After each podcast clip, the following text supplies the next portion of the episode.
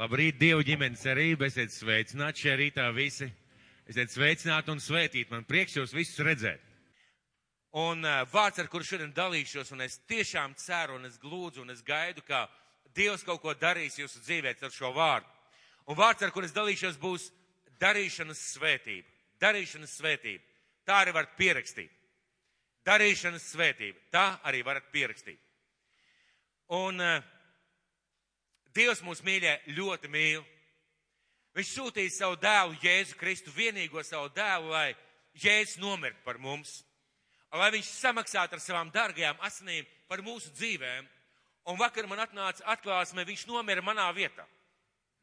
Viņš nomira mīļais tavā vietā. Tā fiziskā, garīgā un emocionālā nāve, kas bija, diemžēl, mūsu dzīvē priekšā gaidām, viņš to paņēma sevi un viņš nomira manā vietā. Un viņš samaksāja par to, lai es varu dzīvot, lai es varu nepiedzīvot šo mirkli. Un viņš ne tikai samaksā, viņš ceļās augšā, viņš parāda ceļu uz svētībām, ceļu uz izlaušanos, ceļu uz panākumiem. Un viņš nomirs samaksā ceļās augšā, un caur svēto garu viņš mūs aicina ticēt un atgriezties. Ticēt un atgriezties pie viņa. Un mēs ko darām? Mēs noticam viņam, mēs pieņemam viņu, mēs kristāmies, mēs kļūstam par Dieva bērniem un svētais gars dod savu vārdu. Svētais gars dod savu vārdu, lai ne tāpēc, lai mums būtu vairāk zināšanas. Ne tāpēc, lai mums būtu vairāk zināšanas, es ļoti cienu tos cilvēkus, kas zina Bībeli no galvas, un kaut kā tā noticis, ka pēdējos gados, diemžēl, man atmiņa sāk palikt ar vien īsāk. Un ja kādreiz man pietika uzrakstīt trīs vārdus, un es varēju padalīties ar Dievu vārdu, ko Dievs man devis, tad man vajag tagad sīkāk konspektu. Es ļoti cienu tos cilvēkus, kas pārzina Dievu vārdu kas zina Dievu vārdu. Bet, ziniet, mīļie, starp zināšanām un pielietošanu ir starpība milzīga. Starp to, ka tu zini un pielieto ir milzīga starpība. Un Dievs sev deva savu vārdu ne tāpēc pirmām kārtām, lai mēs zinātu, lai nepavairotu mūsu zināšanu krājumu, bet lai izmainītu mūsu iekšienu. Tas, ko Dieva vārds vēlās, ko Jēzus vēlās, lai Dieva vārds izmainītu mūsu iekšienu. Caur to izmainītos mūsu dzīve, visa mūsu dzīve un lai Dieva vārds mūs vadītu. Jo ir kādas lietas, kam jāmainās mūsu dzīvē, bet tad ir vajadzīga vadība. Ir vajadzīga vadība, kā mums staigāt, ko mums darīt, kādā veidā mums rīkoties. Un Dievam ir ceļš pie svētībām priekš cilvēku. Dievam ir ceļš priekš svētībām, uh, uz svētībām priekš cilvēku. Un Dieva valstībā ir daudz vērtību. Vai esat padomājuši, kādas vērtības, jeb kādas bagātības, kādas pērles ir Dieva valstībā? Un, kad mēs ienācām Dievu valstībā, varētu tā teikt, mūsu acis aizskrēja uz visām pusēm. Tev vajadzīga dziedināšana šeit tev, tev vajadzīga svētība šeit tev, tev vajadzīga atbrīvošana šeit tev, tev vajadzīga gudrība ģimenē šeit tev, tev vajadzīga gudrība, kā audzināt bērnus šeit tev, tev vajadzīga gudrība finansēt šeit tev. Tik daudz svētību Dievs apsola savām bērniem. Tik daudz svētību un Dievs vēlās ar tām dalīties un acis uz visām pusēm. Bet ir bet uz daudzām eh, šīm svētībām ceļš iet caur paklausību. Uz ļoti daudzām šīm svētībām ceļš iet caur paklausību, vai tā darīšanu, ko viņš saka dariet, vai tā nedarīšanu, ko viņš saka nedariet. Man ļoti uzrunā tas vārds, kur uh, Pāvils kādā vēstulē saka, kas zadzis turpmāk, lai vairs nezog, bet lai cenšas ar savām rokām nopelnīt sev iztiku. Tātad Dievs saka, ja tu zagi iepriekš, vairs nezods. Tātad nedari to, bet centies uh, strādāt, lai tu varētu nopelnīt savai dzīvei iztiku. Tātad daudz, daudzām šīm svētībām Dieva vārds mūs vēd caur paklausību. Uz šīm svētībām caur paklausību. Un, starp, un starpību cilvēka dzīvē, kristiešu dzīvē, iztaisne zināšanas tikai. Šī starpība veidojas ne no zināšanas tikai, jo Jēzus pats teica, ne vārda klausītāji tiks atzīt par taisniem, bet vārda darītāji. Un ļoti bieži mēs domājam, es zinu, tā tad es jau esmu svētīts, es esmu svētībās, es to piedzīvošu, es to redzēšu, bet, mīļie, mīļie mani brāļu māsas, zināšana bez darīšanas nav nekas. Bet zināšana un darīšana. Tas nozīmē, ka mums ir jāzina un tad mums ir jādara tas, ko Jēzus teica darīt, vai nevajag darīt to, ko Jēzus teica nevajag darīt. Vai jums ir pazīstama tāda aina? Es domāju, ka mēs daudz ar to būsim saskārušies savā dzīvē. Es konkrēti. Un ar vīriešiem tā esot vispār slimība. Cilvēks ir slims, viņš aiziet pie ārsta. Un ārsts viņam uzstāda diagnozi, un parasti tas cilvēks, kuram uzstāda diagnozi, vai viņš tiešām uzticās tam ārstam, vai ja viņš tāds pašgudrs ir, ziniet, kā notiek. Doktor, es jau lietoju tās un tās zālītes, es domāju, ka man vajadzētu lietot tās un tās zālītes, un ārstiem esmu redzējis pats un savā dzīvē piedzīvojis, ārsti gan tā, gan izjūtā, nu ko tu tur nāc, ja tu zini. Nu, bet tā jāaiziet pie ārsta pareizi, jo vajadzīga taču diagnoze, un tad ārsts izraksta kādas zāles. Cik no jums ir izgājuši no ārsta kabineta ar skaidru pārliecību, šitās zāles es nepirkšu? Paceliet roku. Āmen. Paldies Dievam, mēs visi esam vienādi, ja? Ja diemžēl, bet visi esam vienādi. Un skatieties, kas notiek tālāk. Tu tās zāles nenopēc, tu dari kaut kādas tēņas, izdomātas zāles, paši izdomātas zāles. Tu dari kā, kā pa savam. Nu, bet tā slimība tā kā neatkāpjas. Tu lūdz Dievu, slimība neatkāpjas. Un tad tu aizēji otrais pie ārsta. Un aizēji pie otrā, un ārsts tā brīnās, saka, hmm, dīvaini. Šitām zālēm vajadzēja palīdzēt. Nē, nu, doktori, es jau tās zāles nedzēru. Un ziniet, ko ārstam bieži vien gribās teikt?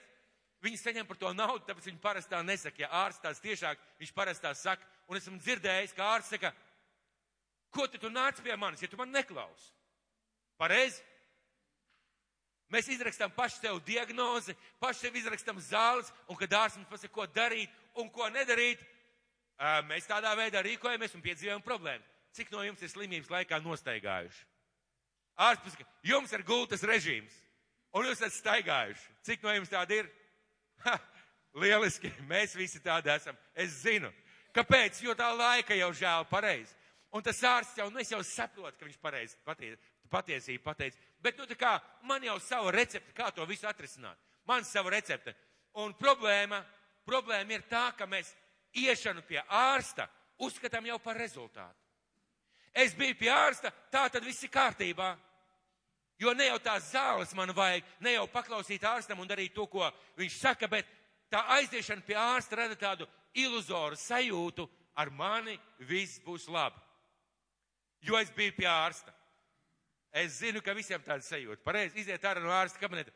Fu, rindu izstāvēju, recepti izrakstīja, zāles zinu kādas, bet naudas žēl, tā kā nepirkšu, tā kā negribās, atkal tās antibiotikas, ai, lai paliek. Un pēc kāda laika mēs saprotam, tā kā vajadzēja. Bet, nu, žēl, žēl tā nedarīja. Aizem pie ārsta, ārsts saka, dzērāt, nedzēra. Un ar vīriešiem ir tā. Man sieva komentē, jo mana daktere nokomentēja manai sievai par vīriešiem.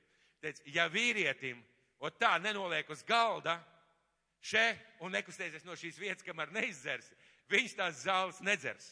Vismaz tā es sapratu. Taisnība, sievas taisnība. Pareizi? Kuras ir sievas, tās māja ir galva. Tā nu ir ar mums vīriešiem.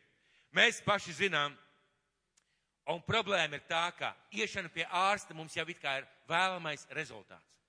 Un iešana uz dievkalpojumiem vai piedarība draudzē reizē mums liekas kā vēlamais rezultāts. Sasniegts vēlamais rezultāts. Un tā ir pilnīgi liela problēma. Jēzum bija tādas situācijas no vietas. Un uh, Jēzus bija lielos dievkalpojumos, lielos brīnišķīgos dievkalpojumos par pāris tūkstošiem cilvēku, vismaz. Un cilvēki bija blakus, cilvēki viņu klausījās, cilvēki teica svētības, dziedināšanas, atbrīvošanas, reku mironas augšā cēlās, visi brīnišķīgi. Un kas bija tā lielā problēma? Esot visā tajā iekšā, viņi jutās svētīti, un vairāk jau tā kā tālāk neko nevajag, jo es jau esmu visā tajā iekšā, un šī te būšana pat dievkalpojumā ir jau tas vēlamais rezultāts.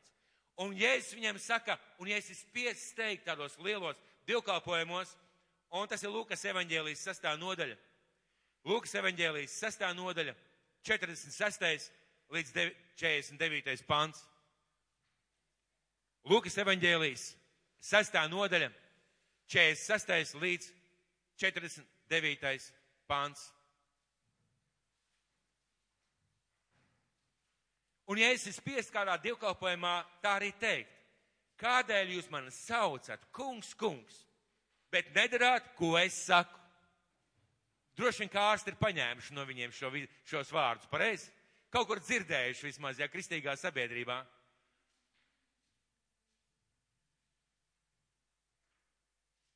Kādēļ jūs man sakat, saucat kungs, kungs, bet nedarāt, ko es jums saku? Un tālāk viņš stāsta ļoti interesantu lietu. Ik viens, kas nāk pie manis un dzird manus vārdus un dara pēc tiem, es jums rādīšu, kam viņš līdzināms. Mēs daudz zinām šo vietu, bet pamēģināsim iedziļināties šajos vārdos. Ja es saku, es lasu no jaunā tulkojuma, tāpēc tie vārdi nedaudz atšķirsies, man jaunais tulkojums krietni labāk patika. Ik viens, kas nāk pie manis un dzird manus vārdus un dara pēc tiem, es jums rādīšu, kam viņš līdzināms. Viņš līdzināms nama cēlājiem, kas raka dziļi un pamatu lika uz klints, kad plūdi nāca un straumes triecās pret namu, bet nespēja to izkustināt, jo tas bija pamatīgi celts. Bet kas dzirdējis un tā nerīkojas, tas līdzināms cilvēkam, kas namu ceļ uz zemes, bez pamatiem, Kad straumes tricās pret namu, tas tūliņ sagruva un šī nama brukšana bija liela. Kur ir starpība? Vai jūs ieraugat šajos vārdos starpību? Vai jūs ieraugat šajos vārdos starpību? Un jāsaka, kas dzird un dara. Kas dzird un dara. Mēs visi dzirdam, pareizi. Mēs esam dievkalpojumos, mēs lasām bībeli, mēs daudz lietas klausamies, mēs dzirdam. Un tālāk sako šis vārds, ko nozīmē darīt. Un vārds darīt izdara šo atšķirību. Vārds darīt iztaisa šo radikālo, kardinālo atšķirību starp kristiešiem. Jo vārdu dzird, protams, kristieši, pareizi. Un šī radikālā, kardinālā atšķirība, kas iztaisa rezultātu, ir darīšana. Un iesaka, kas dzird un dara, tas ceļ savu nāmu uz klints, bet kas dzird un nedara, tas jau ieplāno rezultātu, kur rezultātā viņa nams, ja viņa dzīve sagāzīsies un sabruks. Un šoreiz es gribētu runāt ne tik daudz par paklausību, cik par paklausības, jeb darīšanas rezultātu, ko mēs saucam par svētību. Par paklausības un darīšanas rezultātu, ko mēs saucam par svētību. Nelēm tā, ka rezultāts nav uzreiz redzams. Un tāpēc mēs netiecamies pēc rezultātu. Rezultātu uzreiz nevar redzēt, un mēs netiecamies uzreiz pēc rezultāta, līdz ar to mēs dzīvojam tā, nu, darīšu, nedarīšu un tam līdzīgi. Mums vajag noticēt, ja es darīšu, būs Dieva svētīts rezultāts. Mums ir vajadzīga šī ticība. Ja es darīšu, būs Dieva svētīts rezultāts. Un, bet izšķirās viss, kad mēs vēl neredzam kad mēs vēl neredzam šo rezultātu, izšķirās viss ar ko, kad mēs darām. Lūkšana ir lielisks piemērs, kad tu nāc pie Dieva, lai lūgtu Dievu par kādu savu vajadzību, nevis vienkārši Dievu lūgt, bet par kādu vajadzību. Tu vēl neredzi atrisinājumu, tu vēl neredzi lietas, kas notiks kādā veidā, tu to vēl neredzi. Bet Jēzus teica, ja jūs lūgsiet, jūs dabūsiet. Kāpēc mēs bieži vien nelūdzam? jo mēs neizjūtam vai nesaprotam vai nesatveram, ka tas ir Jēzus vārds un ka tieši lūdzot mēs saņemsim. Bet ja mēs paliekam tajā un ja mēs noticam, ka ja mēs lūgsim, tātad darīsim, mēs saņemsim, mēs daudz vairāk lūgtu un prasītu Dievu par savas dzīves vajadzībām. Lieliski piemērs tam ir lūkšana. Un mūsu dzīvēs ir ļoti daudz dažādu sfēru un vajadzību. Mūsu dzīvēs ļoti daudz dažādu sfēru un vajadzību. Un Jēzus grib, lai Dieva bērni būtu veiksmīgi. Vai Jēzus grib, lai Dieva bērni būtu veiksmīgi šajā pasaulē, šajā zemē, kur mēs šobrīd dzīvojam? Kā jūs domājat? Vai Dievs grib, lai tu esi svētīts ģimenē, finansēs, savā izglītībā, savās attiecībās? Vai Dievs grib, lai tu esi svētīts? Dievs vēlās, lai mēs esam svētīti viņa bērni šajā zemē. Un svētais gars caur savu vārdu māca, ka izšķir nevis zināšanas tikai. Nevis zināšanas tikai. Zināšana ir vajadzīga. Neticīgi cilvēki bieži vien piedzīvo svētību savā dzīvē, lietojot principus, kurus Bībele māca, pat nezinot. Pat nenojaušot, ka Bībele to māca. Pareizi. Tā reizēm ir. Bet mums ir jāzina un zināšana, un pēc tam darīšana, un tad darīšana izdara šo atšķirību. Un svētais gars savā gudrībā caur jēkabu vēstuli klauvē. Un ziniet, pie kā viņš klauvē? Pie dievkalpojuma apmeklētājiem, pie bībeles lasītājiem, pie kristiešiem. klauvē un saka, ej, klausies, ir labi zināt un vajag zināt. Tu esi uz pareizi ceļa, ja tu zini, ja tu klausies, tu esi uz pareizi ceļa. Bet es tev gribu kaut ko pateikt, un Jākab vēstulē, Jākab vēstule, pirmā nodaļa. Pirmā nodaļa no 21. līdz 25. pantam. Jākaba vēstule, pirmā nodaļa, no 21. līdz 25. pantam. Tādēļ atmetiet jebkuru nešķīstību un visu to, kas no ļauna vēl atlicis. Un lētprātībā saņemiet jūsos iedēstīto vārdu, kas ir spējīgs izglābt jūsu dvēseles. Man patīk šis vārds spējīgs. Dievs šeit nesaka, kurš izglābs, bet kurš ir spējīgs. Iemesls, kāpēc viņš tādā veidā pasaka, ir nākošie panti. Topiet par vārda darītājiem, nevis tikai klausītājiem, kas paši sevi pievi. Svētais gars saka, ja tu esi klausītājs tikai, tu jau sevi māni. Tieši tāpat kā riešana pie ārsta. Es aizgāju pie ārsta un palika vieglāk. Palika vieglāk, jo kāds mani uzklausīja. Izrakstīja tabletes, izrakstīja zāles. Nē, nē, es tās zāles nepirkšu, protams. Un, un gultā es negulēšu, protams, bet man palika vieglāk, jo es biju pie ārsta. Un svētais gars saka, kas paši sevi pieviļ. Ja kāds ir vārda klausītājs, bet nav tā darītājs, tās līdzinās vīram, kas lūkojas uz savu pašu vaigu spogulī, pavērojis sevi. Jaunais tulkojums man ļoti patīk.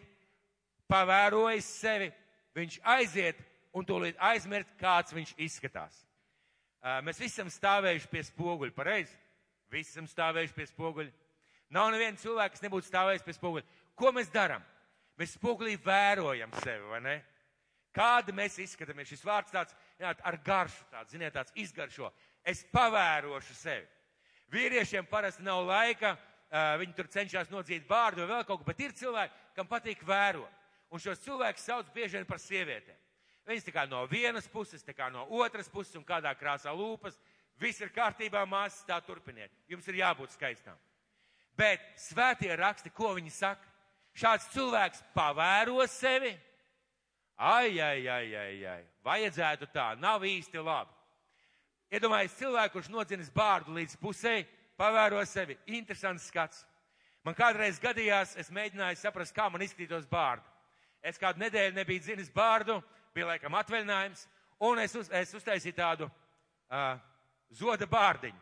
Man patika. Manai sievai nepatīk, es biju paklausīgs, es nodzinu. Bet man patika, un ziniet, ko es darīju? Es tā pavēroju sevi. Un ļoti interesanti būtu, ja es tā būtu pavērojis sevi līdz pusē nodzītu. Interesanti, kā izskatās cilvēks līdz pusē nodzītu seju. Ha, interesanti, jocīgi, pareizi. Nu labi, man vairs nav laika, un aiziet. Es domāju, ka es būtu vispārējais publikas mīlūks, izējot uz ielas. Kā jūs domājat? Visi man pievērst uzmanību. Iemesls. Es pavēroju sevi, aizmirsu, ka es neesmu nodziens līdz galam un izgāju uz ielas. Un svētais gars saka, tādi jūs esat. Ja jūs vienkārši klausaties, pavērojat, jūs mānat sevi. Jūs iziet ārā un aizmirstat, kādu jūs bijāt. Rezultātā jūsu dzīve neizmainās. Bet viņš runā tālāk, viņš neatstāja šajā vietā, bet kas dziļi ielūkojas un paliek pilnīgajā brīvības likumā, ko nozīmē dziļi ielūkoties? Kāpēc svētais gars lieto vārdu dziļi? Tas nozīmē nevis pavirši, bet dziļi. Dziļi es izstudēju, pārdomāju, izdomāju šo lietu, par ko Dievs runā manā dzīvē. Mēs zinām, ka mūsu dzīvē ir dažādas sfēras, es jau teicu un cik ļoti mums būtu vajadzīgs sakārtot savu dzīvi zināmā mērā pa sfērām. Piemēram, jūs ziniet, ka Dieva vārds ir sēkla. Visi zina, pareizi. Visi zina, ka Dieva vārds ir sēkla. Dievs pats to pasaka. Bet esmu jau teicis kādreiz dievkalpojumos, ja jums ir vajadzīga kāpostu sēklas, vai jūs pērkat kartupeļus sēklai? Kāds pērk? Vai jums ir vajadzīgi burkānus izaudzēt? Jums vajag burkānus, nezinu, lai skābētu kāpostus pēc tam. Vai jūs pērkat diļu sēklas, veikalā izpētat, nopērkat diļu sēklas? Nē, mēs meklējam tās sēklas, kas ir vajadzīgas tieši tam augam, ko mēs gribam izaudzēt. Un Dievs saka, ka viņa vārdā ir sēkla priekš visām mūsu sfērām. Un ir vārds, kas ir sēkla ģimenei, vārds, kas ir sēkla finansēm, vārds, kas ir sēkla attiecībām ar viņu, vārds, kas ir sēkla attiecībām ar bērniem. Tas ir Dieva vārda sēkla, kuru audzējot, mēs piedzīvojam bagātu ražu. Bet kā mēs varam šo sēklu izaudzēt, ja mēs dziļi ieskatāmies viņā? Un šeit tiek rakstīts, kas dziļi ielūkojas un tālāk ne tikai ielūkojas un paliek pilnīgajā brīvības likumā. Ko nozīmē palikt pilnīgajā brīvības likumā? Darīt to, ko Dieva vārds saka. Darīt to, ko Dieva vārds saka. Uh, Natana Moris dievkalpojumos mēs kalpojam lūdzot par cilvēkiem, un bija daļa cilvēku, kuri nav nevienā draudzē. Un ziniet, ko viņi darīja? Viņi nāca priekšā, lai par viņiem lūdz brīnišķīgi. Bet tas, ko viņi darīja, es neesmu nevienā draudzē, es tā īsti nejūtos. Es gribētu, lai Dievs man lieto, es gribētu tādu svētību sajust, es gribētu, ka man ir brāļi un māsas, bet mīļais draugs, kad tu atvēri Bībeli, vai tu nelasīji, ka draudzē ir Kristus miesa? Vai tu nelasīji, ka Dievs dod katram dāvanu kalpot Kristus miesā? Tu gribi svētību, lūdzu. Vai, piemēram, kāds cilvēks zvana un saka, mācītāji, es gribētu kalpot ar savu dāvanu. Es saprotu, manā dzīvē īsti nav kārtībā. Es tur dzīvoju ar, ar meiteni, mums jau ir divi bērni, mēs neesam laulājušies, bet man ir žēl, ka mana dāvana iet bojā. Man tagad ģitāra salūz, man vēl kaut kādas problēmas. Es saprotu, ka Dievs man nostājās pretī. Ko man darīt? Ļoti vienkārši. Atver Dievu vārdu un izlasi, ko tev Bībele saka. Sakārto savu dzīvi. Aprecies ar šo sievieti. Ja ir kādi šķēršļi, ej pāri šiem šķēršļiem, tiec pāri un sakārto savu dzīvi. Tātad ieskatīsies un paliks. Ieskatīsies un paliks, un Dievs apsot rezultātu, apsola rezultātu. Kas paliks pilnīgajā svabdības likumā, kas nav aizmāršīgs klausītājs, bet darba darītājs tāds būtu svētīts savos darbos. Lūk, ko Dievs saka, tāds būs svētīts savos darbos. Un Dieva vārds šeit iztaisa atšķirības starp zināšanu tikai un zināšanu un darīšanu. Ļoti vienkārši un ļoti precīzi. Un izšķirošais ir palikt, tātad darīt un dzīvot. Sakiet man, kas ir debesu valstība? Kas ir debesu valstība? Kas ir debesu valstība? Miers un prieks un taisnības svētajā garā. Pareizi? Bet sākās ar ko debesu valstība? Ar, tavā dzīvē. Ar, tu, ar to, ka tu piedari Jēzum Kristum. Vai ne? Viņš ir nomiris par taviem grēkiem, viņš ir samazgā, nomaksgājis tev baltu, un viņš ir tavs kungs. Tātad ar to sākās debesu valstība, un tad ir mūžīgā dzīvība un viss pārējais. Bet kāpēc? Kāpēc? Dievs pateica, es esmu jūsu ārsts. Vai dziedināšana ir debesu valstība tavā dzīvē? Vai kāds var pateikt? Āmen. Dziedināšana ir debesu valstības auglis vai dzīves situācija manā dzīvē. Kāpēc es esmu jūsu apgādātājs? Dievs saka, es esmu jūsu apgādnieks. Kāpēc viņš to pateica? Jo Dieva apgādība ir debesu valstība mūsu dzīvē. Tā ir debesu valstība mūsu dzīvē, kad Dievs gādā par mums kā par saviem bērniem. Es esmu jūsu svētītājs. Dievam īpaši jālieto kaut kādu vārdu, lai pateiktu, Dieva valstība nav. Tur kādreiz debesīs kā dzīvo lielākā daļa kristiešu. Diemžēl Dieva valstība ir šeit uz zemes. Un ja es teicu saviem mācekļiem, ejiet un sakiet, Dieva valstība ir klāt pienākus. Jo Dieva valstība caur svēto garu ir ticīgajos cilvēkos, un Dievs kā apgādātājs, kā svētītājs, kā miers mūsu dzīvē un kā aizstāvs. Dievs pasaka visu šīs lietas, Jēzus pasaka visu šīs lietas. Tā ir Dieva valstība mūsu dzīvē. Tā ir Dieva valstība mūsu dzīvē. Un miers un prieks svētajā garā pats pār sevi. Bet vai Dieva kārtība, svētības, izdošanās, sakārtotība, laime, veiksme, apmierinātība ģimenē darbā, veselībā, finansēs, ar, attiecībās ar bērniem, bērnu svētību, vai tā ir Dieva valstības daļa? Vai tā ir Dieva valstības daļa mūsu dzīvē? Tā ir Dieva valstības daļa mūsu dzīvē. Pareizi? Tā ir Dieva valstības daļa mūsu dzīvē. Vēlns ir kristiešu piemānījis. Ziniet, kādā veidā?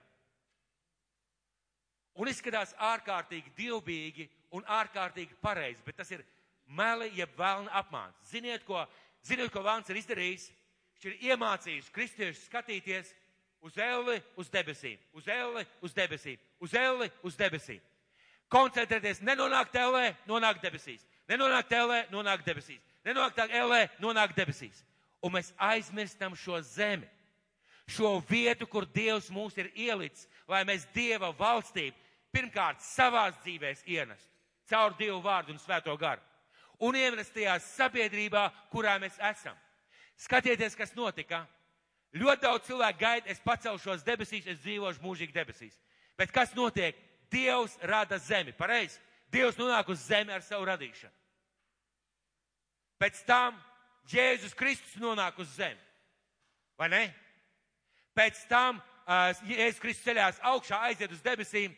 Otraizējā viņa atnākšana, viņš atkal nonāk uz zemes. Viņš atkal nonāk uz zemes.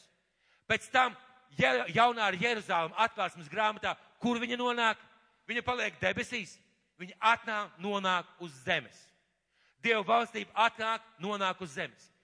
Kad, kad Dievs radīja Ādamu un Ievu, viņš viņus radīja kā debesu valstības pilsoņus, pareizi? Viņi bija debesu valstības pilsoņi. Kaut gan vēl, ja es nebiju nācis, viņi bija debesu valstības pilsoņi. Un ko viņš debesu valstības pilsoņiem pasaka? Augļojieties, vairojieties, piepildiet zemi, pakļaujiet, rūpējieties, gādājiet. Kad mēs atdodam savu dzīvi Dievam, Kristum, kad Viņš mūs nomazgā, mēs kļūstam par Dievu bērniem, jeb debesu valstības pilsoņiem. Kur mēs atrodamies, kurā vietā mēs esam? Uz zemes. Un uz zemes mums vajag svētību finansēs, vajag svētību ģimenē, vajag svētību veselībā, dažādās lietās. Mums ir vajadzīgs šīs svētības, un tās ir Dieva valstības lietas. Jeb debesu valstības lietas. Tās ir šīs debesu valstības lietas. Un vēlns ir novērsis, vēlns ir novērsis. Kad tiks nenonāk deb LV, kad tiks tiek debesīs. Kad tiks nenonāk LV, kad tiks debesīs. Un mūsu problēma ir, mēs draudze esam draudze tad, kad mēs sanākam kopā baznīcā. Tad mēs esam draudze. Bet patiesībā, kur mēs pavadām visvairāk laika? Kur mēs pavadām visvairāk laika? Ārpus baznīcas, pareizi. Un tur jābūt šiem debesu valstības augļiem. Tur jābūt mieram, tur jābūt priekam, tur jābūt svētībai, sakārtotībai, izdošanās momentiem, veiksmēm. Mēs zinām, ka mēs kristieši ejam caur ciešanām. Mēs zinām, ka mūsu ceļš bieži iet caur krustu, pazemību un upurēšanos. Bet tās ir lietas, kas atnes svētību nākošajā dzīvē, nākošajās lietās mūsu dzīvē. Jēzus izvēlējās pats tādu ceļu un caur tādu mūsu ved. Un mēs bieži vien koncentrējamies uz debesīm vai uz elli. Bet patiesībā Jēzus, ko viņš teica? Koncentrēties uz savu dzīvi šeit. Un kā garantija, kā apsolījums, pienāks diena, ka jūs pacelsieties debesīs, bet pašās beigās jaunā Jeruzalema nonāks uz zemes un jūs dzīvosiet šajā jaunajā Jeruzalemā. Tas nozīmē, ka Dieva valstības lietas ir arī veselība, svētība, izdošanās un viss pārējais. Un Mateja evaņģēlijas 7. nodaļa Mateja evaņģēlijas 7. nodaļa, 21. pants. Mateja evaņģēlijas 7. nodaļa, 21. pants. Un šis pants man kaut kā savādāk, gatavojoties šodienas dievkalpojumam, man uzrunāja daudz savādāk. 21. pants, mēs nelasīsim tālāk tikai vienu pantu. Ne ik viens, kas man saka, kungs, kungs, ieies debesu valstībā, bet tas, kas dara mana debesu tēva gribu. Ne ik viens, kas saka, kungs, kungs, ieies debesu valstībā, bet tas, kas dara mana debesu tēva gribu. Un es domāju, ka šeit ir vairāki līmeņi.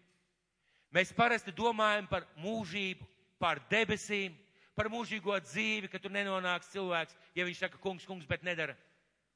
Bet ja, ja debesu valstības lietas ir viss tas, ko es nosaucu iepriekš, Ja tās ir debesu valstības lietas un svētības, ko Jēzus saka? Ko Jēzus saka? Es tev esmu apsolījis finansiālu svētību. Bet ja tu nerīkojies pēc mana vārda, šī debesu valstības svētība neatnāks tavā dzīvē. Esmu apsolījis tev mieru ģimenē, bet ja tu nerīkojies pēc mana vārda, neredzēt tev debesu valstību eh, savā, savā, savā ģimenes dzīvē. Ja tu nerīkojies pēc debesu valstības likumiem vai pēc mana vārda attiecībā uz bērniem, tu piedzīvos, ka bērni aizies no Dieva. Tu to piedzīvos, patīk tev vai tas nepatīk. Un nelīdzēs, ka tu zināji, kā jāaudzina bērns. Ja tu neaudzinās, tu pieredzēsi to. Ja cilvēks, piemēram, liek, un viņš zina, ka viņa sirds nedrīkst piederēt mantai, bet cilvēks liek visu savu uzsvaru, savu cerību uz finansēm, uz veiksmi, uz izdošanos, uz karjeru, uz veiksmīgu biznesu. Ja cilvēks liek uz šīm lietām savu uzsvaru, Dievs viņam pasaka skaidri, neredzē tev Dieva valstību, un ne jau par debesīm, šeit par zemi, šeit par zemi. Un man ir patiesi žēl to cilvēku, par kuriem Jēzus ļoti skaidri pateica, ka citu nāmu nevar likt kā tikai Jēzus Kristus vēsto romiešiem. Bet tikai viens, lai pielūko, ko viņš ir šī pamata ceļ. Viens ceļ no zelta, viens no dārgakmeņiem, viens no sudraba, cits no koka, cits no salmiem un cits no siena. Un man ir patiesi žēl šo cilvēku, jo Jēzus nodefinēja, būs tādi cilvēki, diemžēl, un rakstīts, viņi tiks izglābti, bet tā kā caur uguni. Un es esmu redzējis cilvēkus, kas ir izniekojuši savu dzīvi jau ticot Dievam no bērnības vai no kopš jaunības. Viņi iznieko gadus, iznieko pusmūžu, lai mūžu beigās pateiktu, debes tēvs, piedod man sabojāto dzīvi. Dievs nebija ieplānojis, ka tu sabojās savu dzīvi. Dievs nebija ieplānojis, ka tu dzīvosi nesvētībās, jeb nebaudīsi Dieva svētību savā dzīvē, tajās sfērās, kuras viņš ir paredzējis.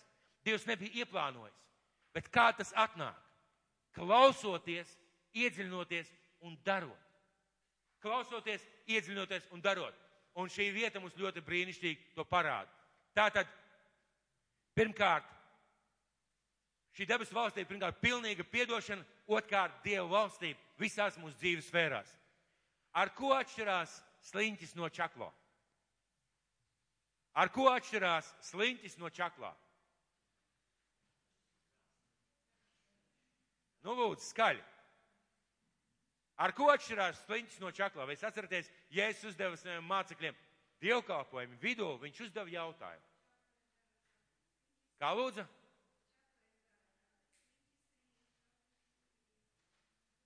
Labi, vēl kādas versijas. Ar ko sliņķis atšķirās no čaklā? Nu, droši. Jaunieši, dro... skaļāk. Čaklēm viss kā pa pilnam, bet sliņķim nav nekā. Vēl kāda versija. Nu, lūdzu, Elvi, kā tu domā? Diana, kā tu domā, ar ko sliņķis atšķirās no čaklā?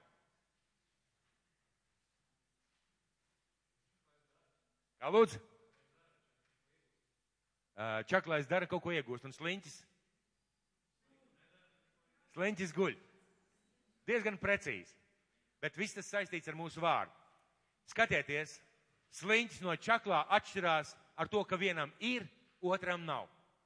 Tu viņu satiec, un tu nevari pateikt, ka viņš ir sliņķis pareizi.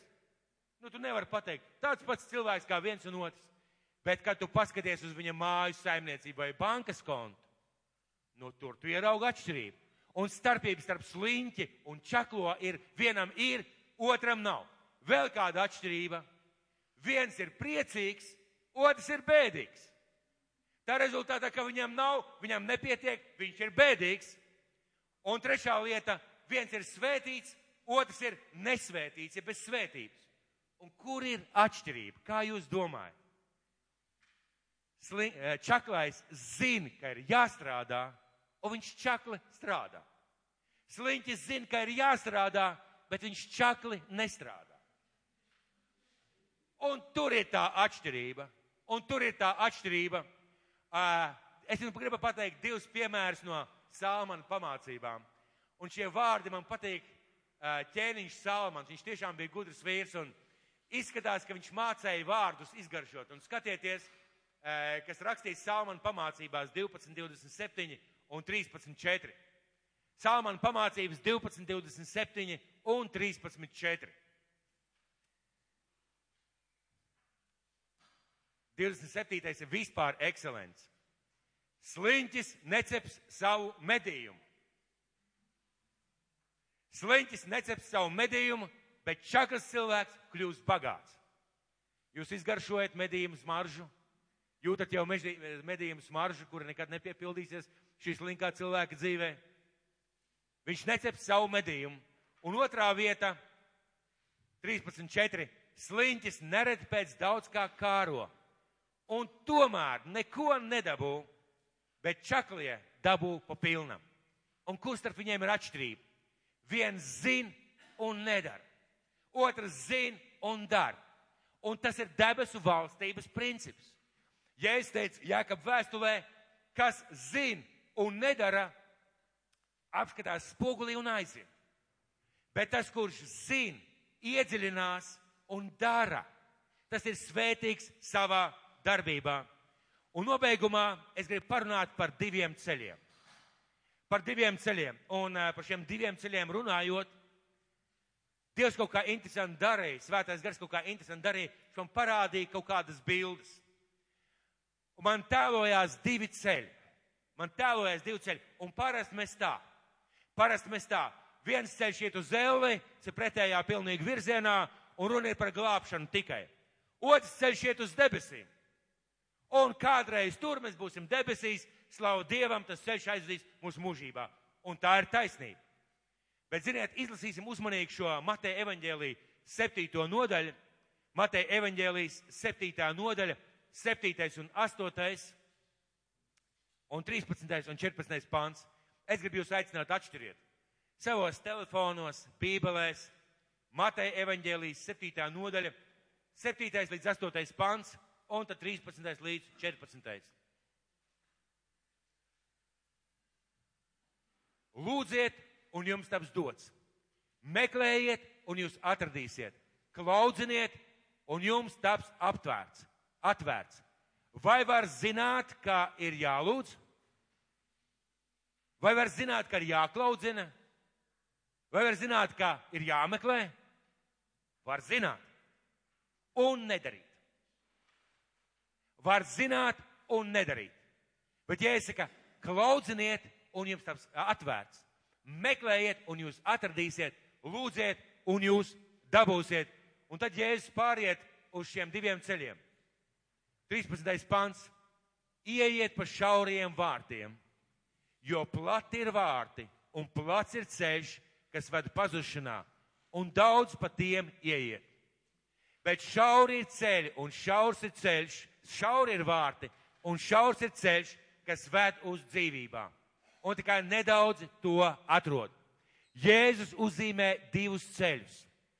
Jēzus uzzīmē divus ceļus, un viņš runā par to, ka viens ceļš ir šaurs, un šauri tie vārti, un maz ir, kas pa tiem ieiet. Otrs ceļš ir plats ceļš, un plati vārti, un daudzi, kas pa šiem vārtiem ieiet. Vai jums ir gadījies redzēt, Šeit pat Latvijā daudzās vietās vecais ceļš tā kā ir atstāts un ir uzbūvēts jauns ceļš. Bija kādreiz tur ceļš pār kalniem, lejām, un tad ir uzbūvēts jauns, plats, skaists ceļš. Un Dievs man rādīja tādu interesantu bildi, un eh, ceļā uz Tukumu ir tāda vieta, un uz Jelgomu, mēs zinām, ir tas vecais ceļš. Ļoti interesants stāsts. Skatieties, šie abi ceļi sākās no vienas vietas - vecais un jaunais. Tu brauc pa ceļu, un tad vienā vietā vecais aiziet, piemēram, pa kreisi, un labais, piemēram, aiziet pa labi. Jaunais aiziet pa labi. Kas ir ļoti interesanti, sākumā tas sākās no viena ceļa. Un mēs satiekam Kristu. Es te gribētu tā tēlēni runāt. Mēs satiekam Kristu, un mēs sākam iet kopā ar viņu. Un iesaka divi ceļi, un neiet runa par glābšanu tikai, iet runa par Dieva valstību mūsu dzīvēm. Un sākumā šie ceļi iet vienlaicīgi blakus. Ļoti reti ši, aiziet šitā. Parasti ir tā ļoti lēzeni un paralēli, daudzās vietās kā, kā, bet ļoti lēzeni un paralēli. Un pa šiem ceļiem vienlaicīgi var iet divi cilvēki. Divi cilvēki vienlaicīgi var iet gandrīz blakus. Pa vidu tikai grāvs, varbūt mauriņš vai kaut kāda josla. Un mēs pat varam sarunāties viens ar otru. Gandrīz acis vienam otram var redzēt. Un mēs ejam, bet mēs jau ejam katrs pa savu ceļu. Mēs satikām Kristu, bet mēs jau ejam katrs pa savu ceļu. Un mēs varam sarunāties, runāties viens ar otru, un tas viss notiek vienlaicīgi. Mīļie, debesu valstība un vēlna valstība vienlaicīgi pastāv šajā telpā, šajā, e, šajā, šajā atmosfērā, tajā laikā, kurā mēs esam. Mēs šobrīd sēžam šeit, kāds ir uz nesvētības ceļa, kādās lietās savā dzīvē. Un šajā pašā telpā, blakus beņķī sēdot, kāds var būt uz svētības ceļa, uz šī šaura. Vienlaicīgi, atšķirību nevar ieraudzīt. Un, kad jūs ejat pa to jauno un veco ceļu, jums liekas, ka nekādu starpību nav. Vecais ceļš, jaunais ceļš, jūs ejat, jūs skaties viens otram blakus, jūs varat sarunāties un vienlaicīgi noiet divi cilvēki. Un sākumā var redzēt šo ceļu. Mēs ejam, ejam pamazām tālāk, un nu jau tas ceļš vairs nav pilnīgi blakus. Nu jau viņš tikai pa tādu gabaliņu, bet es varu redzēt to ceļu. Un, un tā pārliecība, man ir tāda zināma drošība, zināma drošība, ka tas ir tas vecais ceļš, jeb jaunais ceļš, un es eju pa veco ceļu, ir jaunais ceļš, arī šis ceļš kaut kur aizvedīs, jo tas ir ceļš tajā vai tajā vai tajā virzienā. Mēs sākumā varam redzēt, mēs dzirdam vārdu, mēs piedzīvojam, mēs ejam, esam divkalpojumos, un tas mūs pamazām iemidzina, jo mēs redzam to otru ceļu. Mēs redzam to otru cilvēku, kas iet, un mums ir tāda visu laiku pārliecība. Viss ir kārtībā, jo es virzos tajā virzienā, un es nepamanu, ka esmu jau uz vecā ceļa. Kas notiek tālāk? Ļoti dabiski tā arī tas notiek dabā. Mēs pamazām attālināmies. Šie ceļi pamazām attālinās viens no otra. Un mēs, mēs zinām, ko tur ir tas ceļš. Mēs zinām, ka tur ir tas ceļš. Mēs zinām, ka pa to, cilvēku, ka pa to ceļu iet cits cilvēks. Un mums ir sajūta, tas mūs nomierina. Mēs ejam tajā pašā virzienā. Mēs virzamies tajā pašā virzienā, un tas, ka mēs zinām, varbūt dzirdam kādu braucēju vai ko, tas mūs nomierina. Mīļie, cik daudz kristiešu nāk uz baznīcu un nedara to, ko Dievs saka. Un ir šī miera sajūta, jeb šī pārliecība, tāpēc, ka es esmu baznīcā. Ar mani viss ir kārtībā. Tāpēc, ka es lasu Bībeli, ar mani viss ir kārtībā. Tāpēc, ka es piedalījos rītu lūkšanu sapulcē vai vakar lūkšanu sapulcē, ar mani viss ir kārtībā. Bet ja mēs saprotam, ka runa nav tikai par mūžīgo dzīvību, bet par Dieva valstības lietām tavā dzīvē, tad kas notiek, ja mēs ejam pa šo veco ceļu un pamazām attālinamies no Kristus ceļa, mēs sākam tās lietas piedzīvot, kas notiek uz jaunā ceļa, arvien mazāk, mazāk, retāk un retāk. Un nu jau starp mums ir meši, mēs dzirdam tikai atbalsi un dzirdam tikai to, ka tur kāds brauc bet sajūta ir, es jau redzu, es virzos tajā virzienā. Un vēlāk mēs vairs neredzam, bet mēs zinām, ka tur ir tas ceļš. Mēs zinām, ka tur ir tas ceļš, un mēs vairs neredzam. Mēs turpinām savu virzienu. Un rezultāts ir pilnīgi atšķirīgs. Ja jūs iet pa šo tukumu ceļu vai pa Jālgavas ceļu, vecais Jālgavas ceļš, jūs ejat, ejat, ejat, jūs redzat, tur iet tas jaunais ceļš, pāri tur pa vidu dzelzceļš, bet jūs zinat, tur jaunais ceļš un jūs ejat, un jūs nonākat strupceļā. Jūs nonākat strupceļā. Un bieži vien tur vienkārši ir uzbērams un viss. Un tieši tāpat ir mūsu dzīvē, mums Dieva bērniem. Jo šis ceļš, šī vieta runā ne tikai par mūžīgo dzīvību. Šī vieta runā par mūžīgo dzīvību, un šī vieta runā arī par mūsu dzīvi. Es nedomāju, ka kāds no mums gribētu nodzīvot visu savu mūžu un nomirt nabadzībā, slims, nelaimīgs un, un ar problēmām. Ar izjukušu ģimeni. Mēs nedomājam. Un Dievs saka, lūk, tev vārds tajā sfērā, tajā sfērā, tajā sfērā, bet par maz ir zināt, tev ir jādara. Un mēs ejam pa šo ceļu un pamazām mēs noliekam problēmā, ja beidzās viss ar ko. Un vienā mirklī, vienā mirklī, par ko iet runā arī, viens cilvēks nonāk, nonāk mūžībā, viens nonāk cilvēku ellē. Bet ceļi jau izskatījās līdzīgi ceļi jau gāja it kā vienā virzienā. Sākumā es pat dzirdēju, sākumā es pat redzēju, sākumā man bija mierinājums, tas ceļš iet tajā pareizajā virzienā. Rezultāts bieži vien ir katastrofa mūsu dzīvē. Mēs zinām tādus cilvēkus, kuri biznesmeņus, man redzējis, dzirdējis par daudziem biznesmeņiem. Viņš sāk kā ticīgs cilvēks, viņš lūdz Dievs svētī manu darbu. Un Dievs svētī. Un kad Dievs sāk svētīt, tad sāk parādīties visādas problēmas. Nodokļi, vēl kaut kas, vēl kaut kas, vēl kaut kas. Un tas ceļš pamazām, pamazām, pamazām, un tu zini, ka vajadzētu, bet tu nedari. Rezultāts ir, ka tas cilvēks nonāk pie pilnīga kraka un pazušanas un reizēm pilnībā aiziet no Dieva. Divi ceļi. Mīļā, mūsu zālē ir divas puses. Divas puses. Un es domāju par dievkalpojumu, man Dievs deva tādu līdzību. Pieņemsim, ka šajā vietā stāv Jēzus šeit. Šeit stāv Jēzus. Un viņš skatās, kā cilvēki nāk pie viņa. Un iedomāsimies, ka šeit pa vidu ejas nav, un šeit ir divas puses, viena puse un otra puse. Un cilvēki nāk pie Kristus šeit uz priekšu. Un tagad skatieties, vai vienā virzienā visi iet? Vienā virzienā, pareizi? It kā vienā virzienā. Bet skatieties, kas notiek. Ja jūs iesiet pa to pusi, jūs nonāksiet uz skatuves. Pieņemsim, ka debesīs. Ja jūs iesiet pa to pusi, jūs nonāksiet pagrabā. Pieņemsim, ka ellē. Tur nav ellē. Es tev piekrītu, Nora. Āmen. Es teicu, ka pieņemsim, ka ellē. Un skatieties, izskatās tik labi. Un par ko iet runa visā šajā, šajā stāstā, par ko mēs šodien runājam? Ja mēs negriežamies atpakaļ, mēs piedzīvosim elli savās dzīves vajadzībās. Mēs nepiedzīvosim tās svētības, kuras Dievs ir paredzējis. Kā mums gribētos, lai kā mēs raudātu, lai kā mēs gaidītu, lai kā mēs teiktu, Dievs, lūdzu, palīdzi man. Ja mēs nedarām, mēs nespējam to aizsniegt un nespējam to piedzīvot. Un es gribētu jūs aicināt, izvēlieties Dievu valstību savā dzīvē. Izvēlēties Dievu valstību savā dzīvē, kas iet cauri darīšanu. Izvēlēties Dievu valstību savā dzīvē.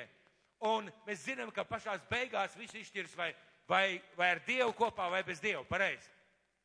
Bet ik viens no mums grib nodzīvot Dievu svētītu dzīvi.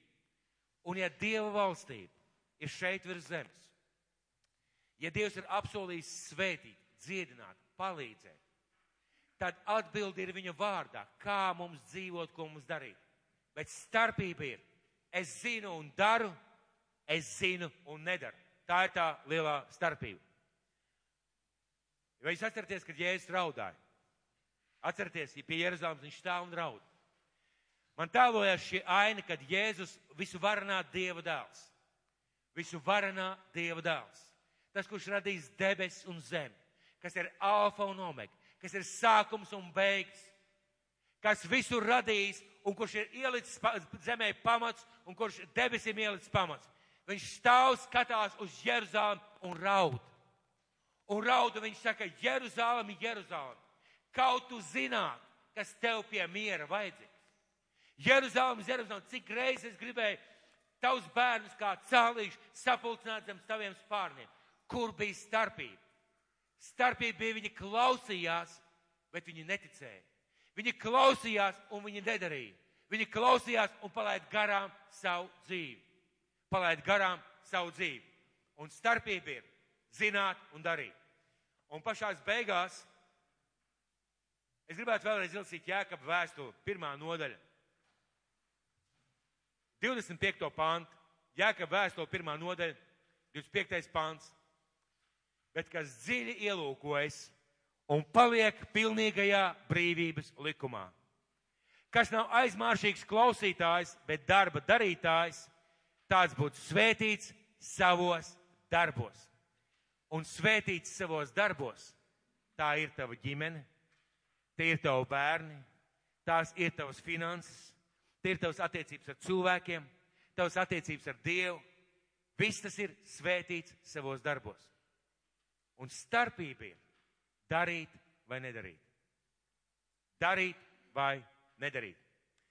Un uh, meklējiet vārdu priekš savas dzīves, savām vajadzībām. Meklējiet vārdu, un lai cik traks viņš jūsu dzīvē neizklausās, lai cik viņš liekas radikāls, nepieņemams, grūts, vienkārši ejiet tai iekšā un to dariet. Paklaus un dari, un rezultāts būs tāds, kā Dievs ir ieplānojis, svētīgi. Un svētais gars mums palīdzēs.